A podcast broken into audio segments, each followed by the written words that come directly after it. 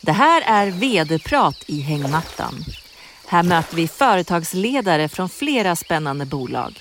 Häng med så berättar de om deras visioner för framtiden. Då säger vi hej och varmt välkomna till ett nytt avsnitt av vd-prat i hängmattan. Och idag så har vi både norskt och danskt främmande. Därav kommer vi att spela in den här podden på engelska. Jag hälsar Henrik Damgard som är VD för Norva24 varmt välkommen. Warm welcome to VD-prat i hängmattan, Henrik.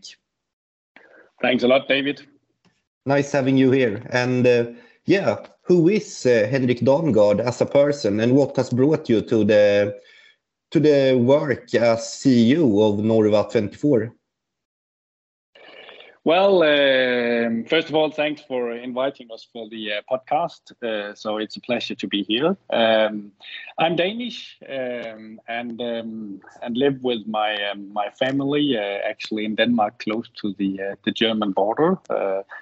Uh, uh, which actually is quite convenient because uh, Norva 24, as I guess we'll come back to, is is building up uh, the German market, and the German market will in the future be, become our largest market. So, um, so I live in uh, in Denmark. I of course pendle a lot between our four markets. So um, I'm a lot in Norway. I'm also a lot in Sweden, and um, also spending some time in, in Denmark and Germany. So, um, and what uh, what brought me to uh, to Norva? Well, I, I, guess what had brought me to Norva is that throughout my whole career, um, I've been in uh, in companies that consist of a lot of acquired companies, um, and um, and that's also the case with with Norva. So uh, when you are in a, in a company that does acquisitions and that consists of a lot of acquired companies, you uh, you develop a, a certain way of operating, uh, a certain way of, of developing the, the business, and and that's um, that that's what we are also doing in, in Norva 24, as we'll come back to. So. Um, what has also brought me to Norva and my personal motivation for for for, for being uh, with Norva is that it is a very important industry we're working with um, and uh, and building a European lighthouse as we do with uh, with Norva 24 in such an important industry is something that that I find highly motivating. So uh, um, so, so that's uh, what what brought me to um, to Norva. Uh, I would be happy if you can tell me some more about Norva 24 and its and its business. Yeah, um, I am when when when when asked that question, I often uh, describe it by saying that I will make a bet with anyone, that, and and also with you, David, that if you stood up in the morning and the infrastructure Norva 24 is working on were not working, then I would make the bet that you would see that as a big problem within very few minutes. Because just imagine if you stood up in the morning and you couldn't shower, you couldn't brush your teeth, you couldn't go to the toilet, if you looked out the window and it had been raining during the night, that rain was just flooding around in the streets. It's those kind of situations that would occur if the infrastructure we're working with were not working. It's basically the infrastructure that makes sure that you have access to water and sewerage in any building. So, um, so, um, so, so, and, and what we do is that we maintain and work on the maintenance of, of, of that system. It's also this underground that or this infrastructure that makes sure that when it rains, that that rain is transported away. So um, so so what what what we call it is underground infrastructure, and uh, and what we do is the the maintenance part of that. So uh, a very important piece of our infrastructure in society. It's actually so important that uh, that that this infrastructure has its own uh, United Nations sustainability goal. If you look into number six, it's all about how you how you uh, secure, how you develop, how you you manage this uh, water and sewer uh, system that we are also uh, dependent on. Yeah, I think um, it's a good description, and also water and sewer systems, as we we spoke a little about. When you when you think about it at first, it might not seem as seem seem to be the most uh, fun and exciting thing to think about or to work with, but I get the picture that there's a lot of things that makes it very fun, interesting, and developing to be the CEO of Norva 24. Exactly, exactly. So, um, and and having the chance here to really build, uh, and, and that's what we're doing. We are building a European lighthouse in, in this industry, um, a lighthouse that can innovate this uh, this maintenance of this very important infrastructure is, is really something that is highly motivating for me and, and that, that is also highly motivating for the whole organization. You will also feel that when you come into a, an over 24 brands that, that there is a high level of passion around what we do because it is important what we do. It's uh, something that we all are dependent on as, as modern people. How would you describe the, the competition in general in your business then? How's it looking? It's a it's a very fragmented uh, competitive picture, um, and um, and if we look at the we are in four markets today. Our uh, our four markets are uh, Sweden, it's Germany, it's Norway, and it's Denmark. Uh, and looking just on those four markets, we have uh, we have 1,900 players in the industry. So um, so in total, uh, that's the number of players operating in the industry and in the sector. Um, and a lot of those are uh, family run uh, companies, and most of them are family run companies that are operating in a certain city or in a certain region. Uh, so, um, and, and has done that for, um, for, for, for often a, a long uh, time. So, um, so that's the typical competitive picture that we uh, look into. So, so often when we look on the competition situation in one city, it differs a lot from the competition situation in another city where there are other players. Um, so um, so that's a bit how the uh, the sector looks. So so a fragmented uh, industry today. So where we are the by far the biggest player in uh, in Northern Europe. And you talked before here about um, being working in companies that have been making a lot of acquisitions before. Uh, what uh, what is the plan going forward for Norva24 when it comes to that thing? Well, we um, we we uh, we passed uh, last year uh, two mil- two billion NOK in in revenue, um, and um, and and our target for 2025 is that we we want to reach four and a half billion Norwegian kroner. So and and then that's what we are that's what we are aiming for. Part of that, a significant part of that journey, is doing acquisitions. We we will do acquisitions per year in the coming years. Uh, to reach that target, we should have approximately uh, 500 million NOK uh, revenue coming in from acquisitions on average every year.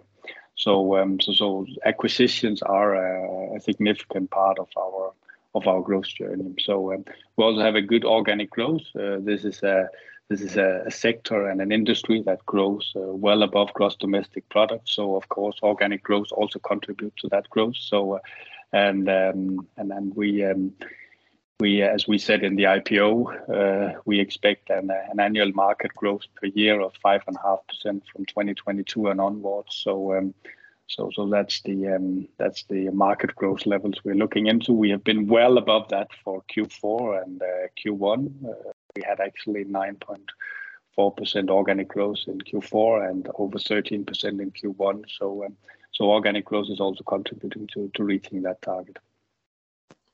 You haven't been on the listed on the stock market for that long, but how would you describe your your first time as a listed company? Because um, you're a Norwegian company, but you're also, I mean, listed on Midcap Stockholm, the stock market list.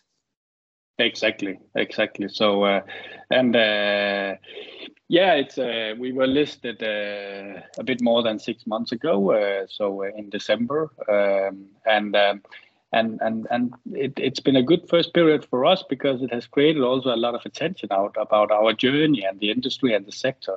This this industry that we are working with seems or is not something that we as modern people think much about but but as said we are very dependent on it. So uh, but with the listing we have gotten uh, also a significant uh, interest and attention to the journey and to the sector which is which is positive as well so uh, so so it's also a way to put some some light on a sector that that that we sometimes, as, as I say, as modern people uh, forget a bit. So um, and uh, and for us, it, it, also meant that we got new capital in of, uh, of approximately 900 million NOK. So so we have also gotten capital in for for for continuing our journey towards our 2025 target of these four and a half billion NOK. So so that's from from that perspective, it's also good operationally for for, for the business now that we we have the capital for really developing further the uh, the company. So. Um, and then we are of course now uh, focusing on delivering what we have said, which we have also confirmed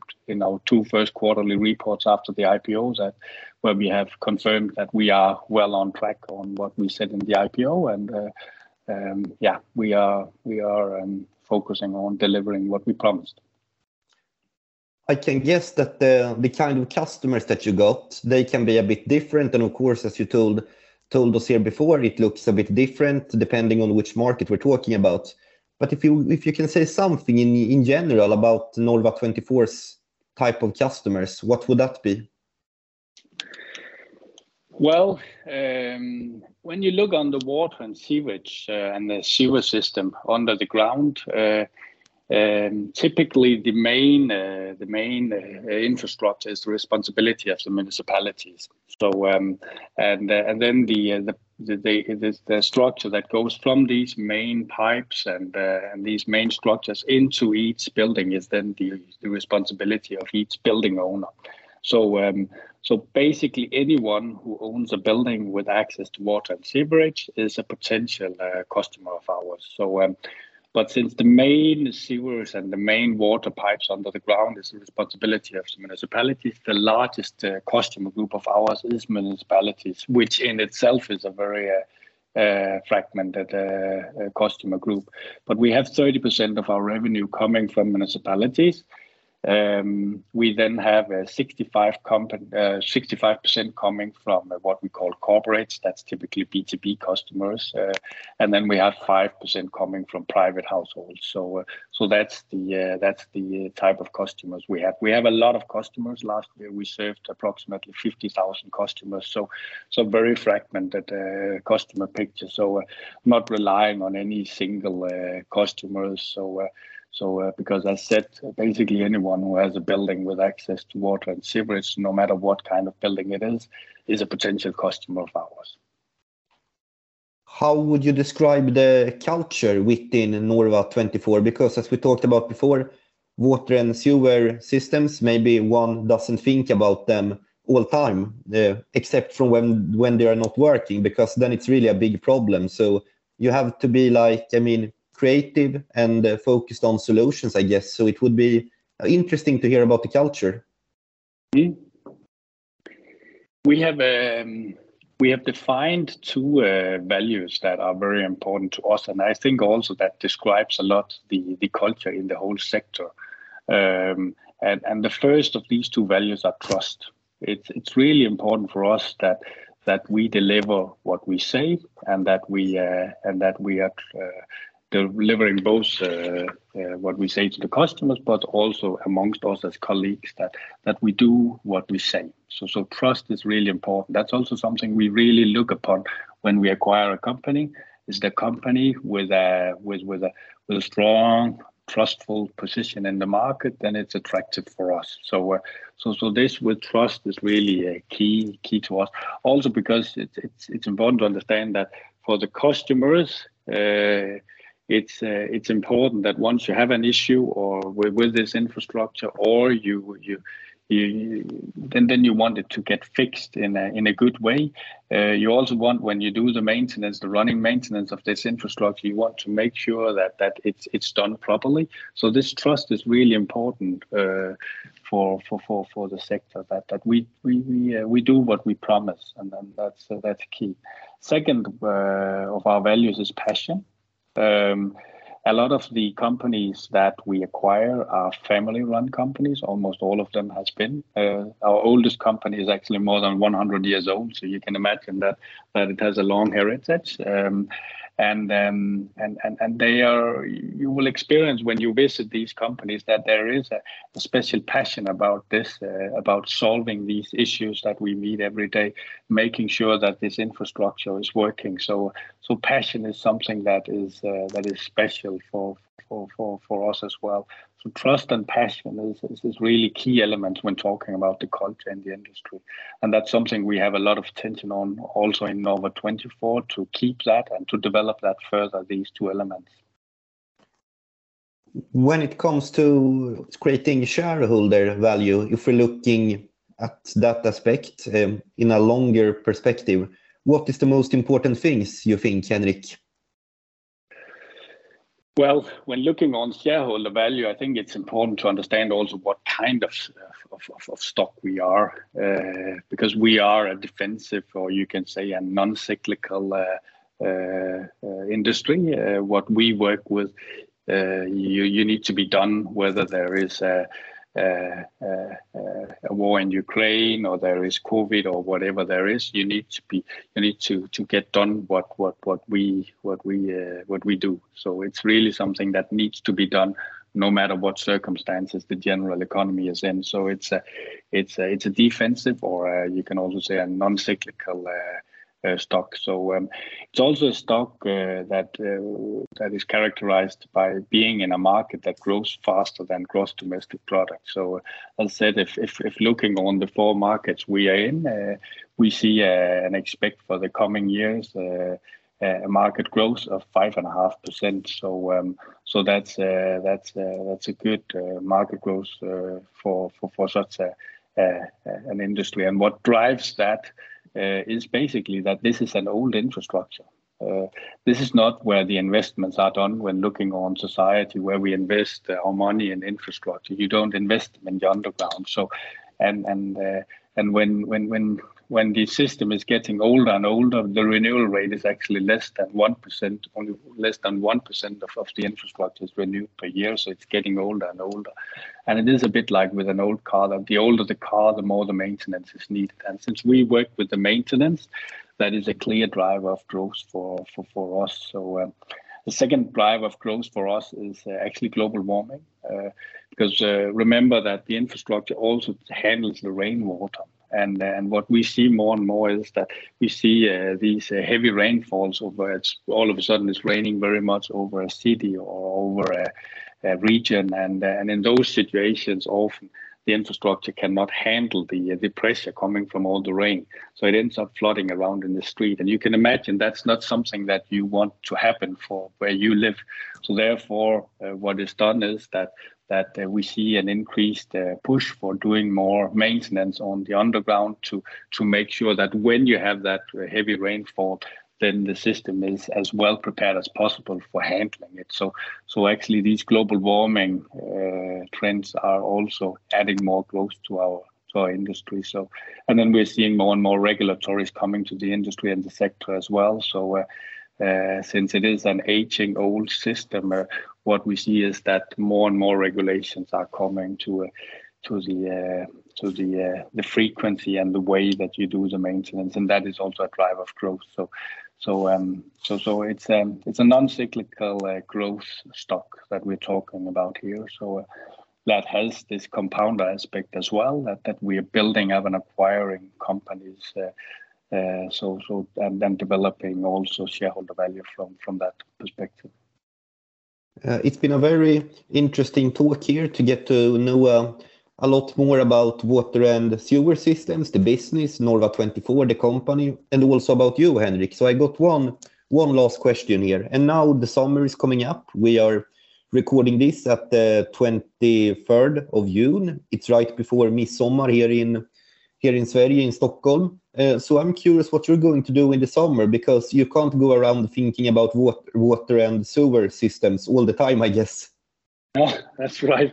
That's right. So, uh, no, actually, in uh, in less than uh, 48 hours, I will be sitting on a plane flying to uh, to uh, California, where I will uh, spend two weeks with my with my family. So it will be great having some some time with the kids there as well, going to Disneyland and yeah, just enjoying the summer a bit.